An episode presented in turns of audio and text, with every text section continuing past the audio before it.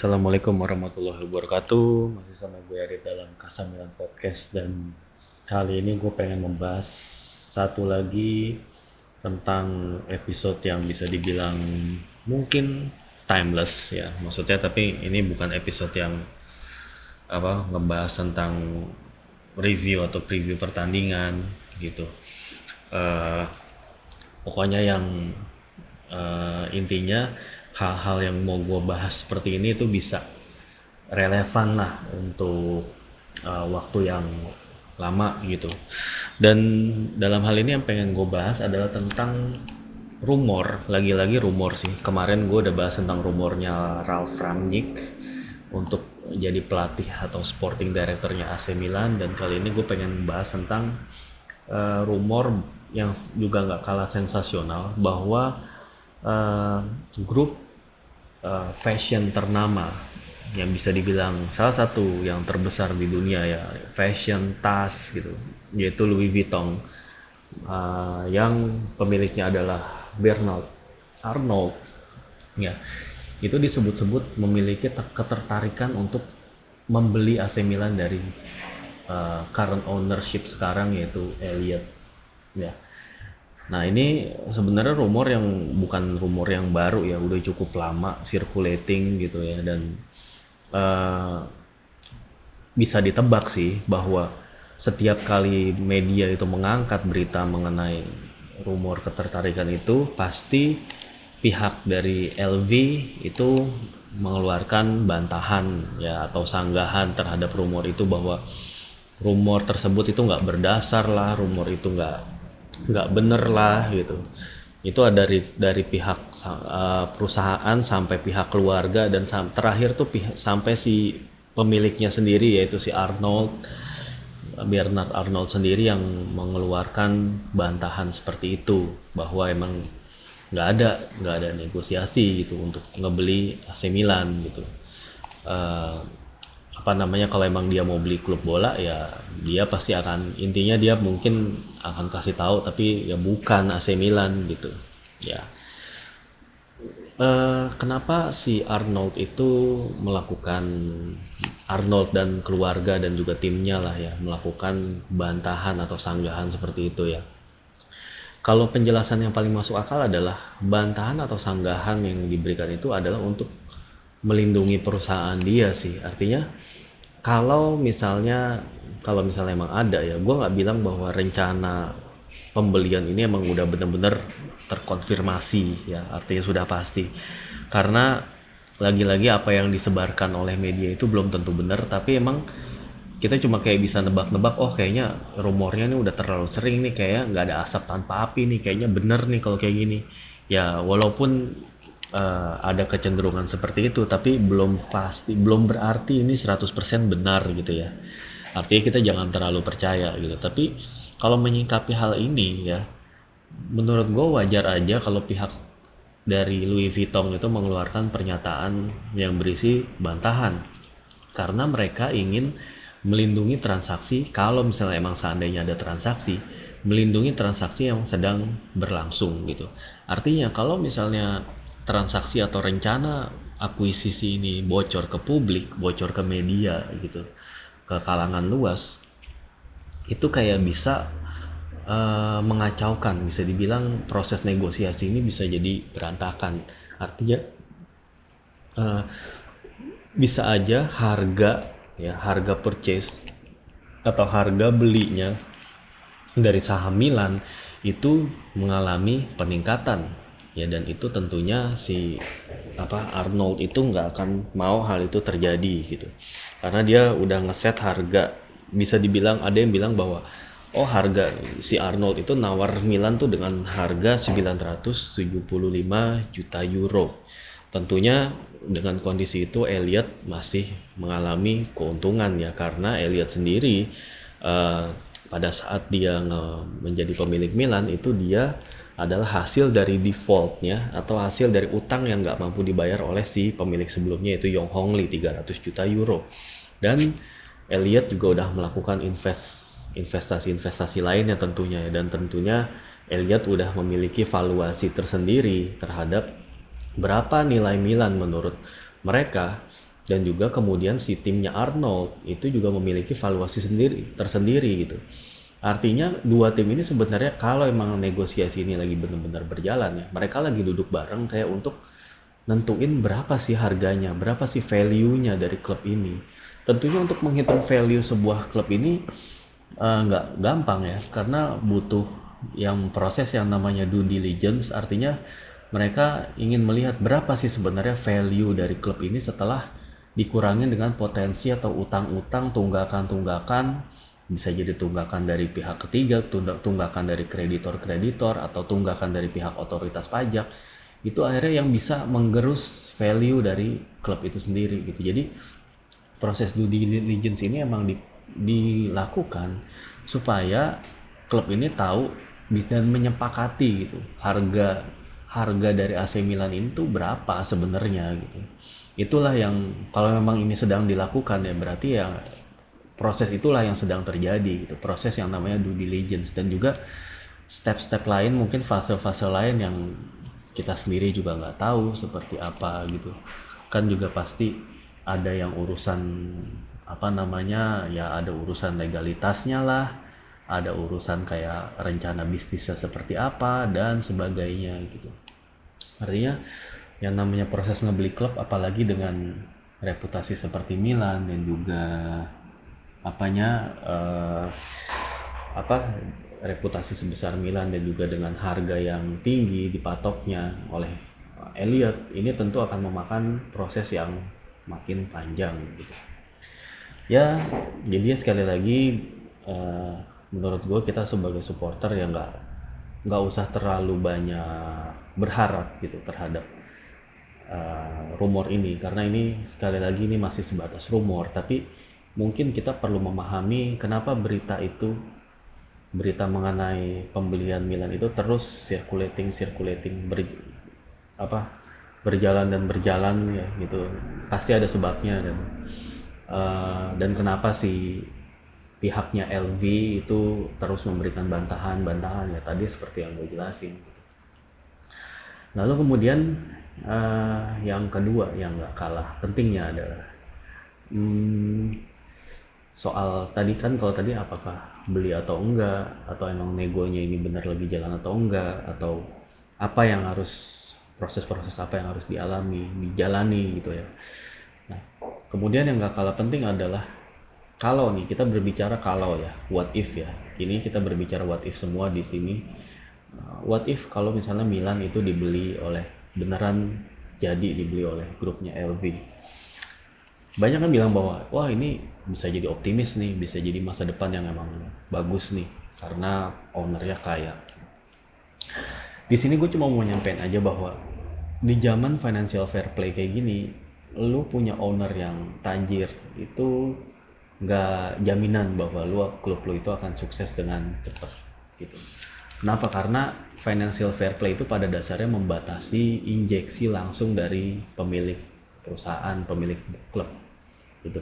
Artinya kan seperti yang udah gue jelasin di episode mengenai financial fair play klub itu harus bisa membiayai dirinya sendiri dengan bisnis-bisnis yang asli dari sepak bola gitu. Dari yang tiga unsur itulah match day revenue lalu kemudian sponsorship dan juga uh, sponsorship dan komersial lah ya dan juga terakhir adalah hak siar televisi match day, uh, hak siar televisi, sponsorship itu berbanding lurus sama performa klub di lapangan. Artinya kalau klub ingin mendapatkan uh, uang yang banyak dari tiga sektor itu, maka mereka harus memiliki prestasi, memiliki exposure yang tinggi. Artinya semakin tinggi mereka uh, mereka tuh dipandang oleh uh, stakeholder sepak bola, ya berarti semakin besar pula pendapatan yang akan mereka himpun. Nah, kayak gitu. Uh, jadinya menurut gue uh, pemilik yang tajir ataupun yang kaya itu something lah satu hal tapi bukan segalanya artinya kalaupun Berlusconi ya yang dulu kan Berlusconi terkaya di hampir hampir termasuk yang terkaya pemilik klub sepak apa pemilik klub olahraga yang salah satu terkaya pada saat dia ngebeli Milan tahun 86 ya 86 87 gitu tapi kan uh, dulu belum ada financial fair play. Coba kalau Berlusconi dulu datang dan udah ada FFP, gue ya gue nggak yakin sih dia bisa kayak langsung ngebangun tim dengan kayak jor-joran beli pemain, beli ngegaji pemain dengan mahal. Gue nggak yakin itu pasti Berlusconi itu dia nyerap terus kerugian yang diderita Milan. Karena Milan itu kan bayar gaji pemain. Gajinya Ruud Gullit, gajinya Van Basten, Frank Rijkaard, Ancelotti dan lain-lain itu gajinya gede gitu ya. Pasti dan pendapatan mereka sebagai klub itu nggak akan nyampe segitu gitu. Dan pastinya kerugian itu diserap oleh perusahaan induknya si Berlusconi. Nah hal-hal semacam ini tuh nggak bisa di apa di diterapkan lagi di era financial fair play gitu. Jadi ada banyak rambu-rambu lah yang harus dipatuhi gitu.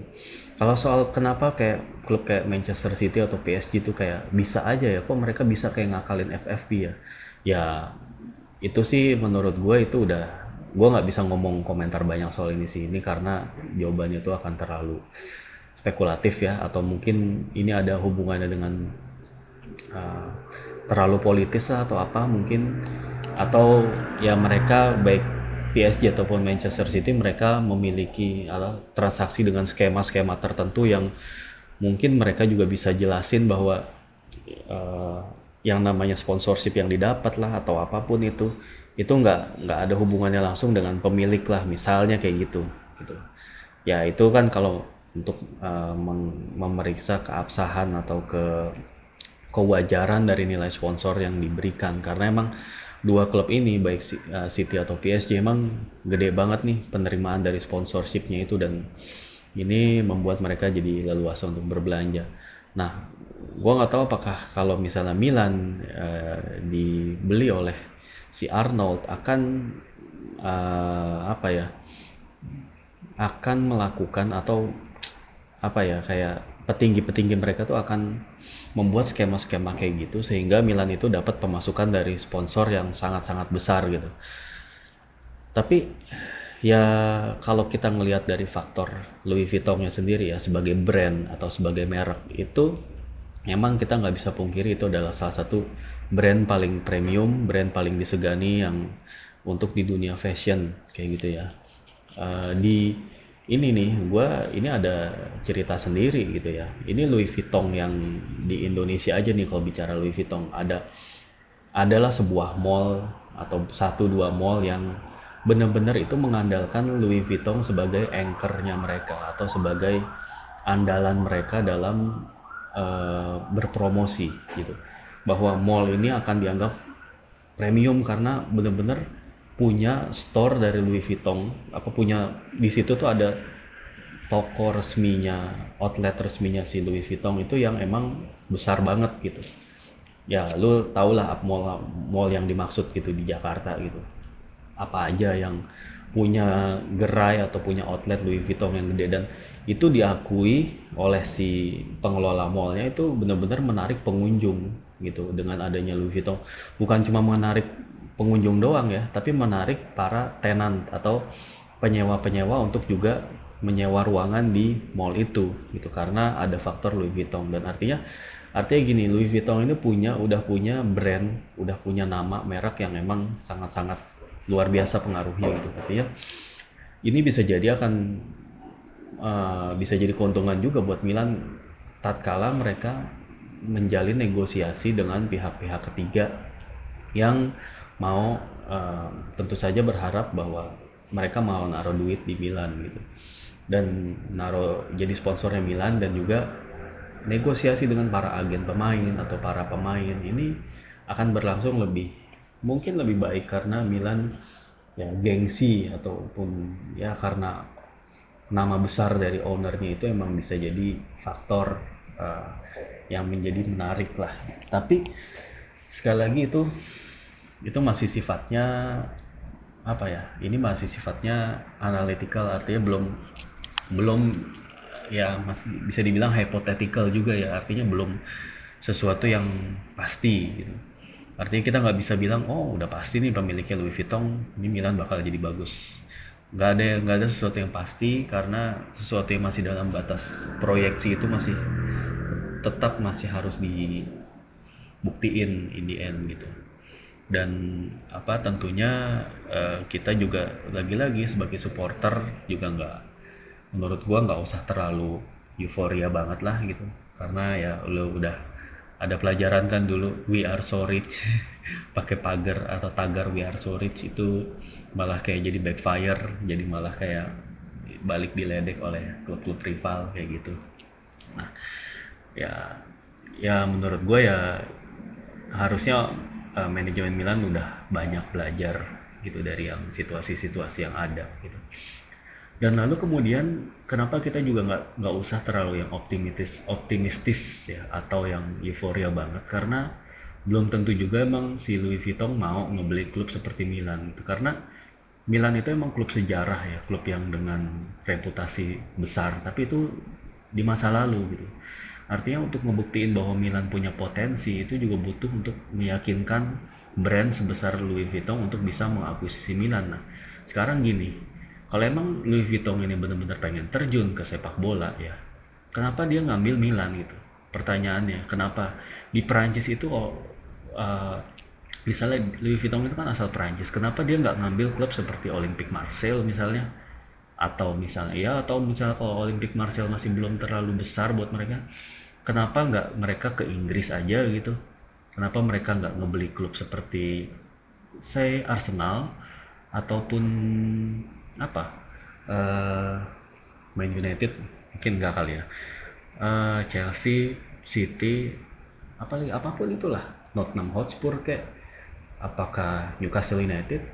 Atau apa pun kan mereka udah punya kayak kompetitif uh, advantage ya dengan ada di Liga Premier Inggris gitu. Nah sekarang kenapa AC Milan gitu? Apakah faktor sejarah dari AC Milan emang seseksi itu dipandang oleh si Louis Vuitton kan ya nggak usah terlalu GR juga gitu menurut gue. Ini masih banyak lah menurut gue pertanyaan-pertanyaan yang menurut gue cukup mengemuka gitu di kepala gue. Kenapa kenapa kita mesti kayak udahlah biasa aja gitu sama rumor ini. Tapi kan kalau lagi-lagi tadi ini kan episode what if ya. What if kalau ini kejadian what if kalau emang ini beneran gitu. Ya. Ibarat kata kalau misalnya lu lagi ngegebet cewek nih kan wah nggak ada salahnya dong optimis. Misalnya cewek yang lu gebet itu cakep banget gitu. What if kalau dia mau ya gitu. Ya kayak kayak gitulah gitu. Uh, ini mungkin posisi Milan tuh jadi lagi kayak gitu menurut gua. Milan itu klub yang biasa-biasa aja tapi mau mau dibeli atau dihubung-hubungkan sama pemilik usaha yang punya brand yang wah banget gitu punya kekayaan yang wah banget gitu. Nah nah itulah gitu yang justru kalau yang kayak gitu-gitu menurut gua kok jadi tanda tanya buat gua gitu ya. Ya gitulah mungkin guanya sendiri emang yang udah menjadi supporter gue yang nggak terlalu banyak ngarep gitu kasih ya ya udah sih gue menurut gue uh, itu aja yang perlu gue sampein ya. Ada lagi nggak ya kira-kira? Hmm, kalau misalnya ada juga yang bilang gini nih Milan itu sekarang menghemat biaya gaji meng menggunakan pemain-pemain muda gitu ya. Bahkan ya ada rumor bahwa kedatangan Zlatan Ibrahimovic itu adalah karena untuk mempersiapkan owner baru datang gitu. Jadi katanya ada yang bilang bahwa Ibra itu mau gabung ke Milan karena tahu bahwa Milan akan dibeli oleh grupnya Louis Vuitton.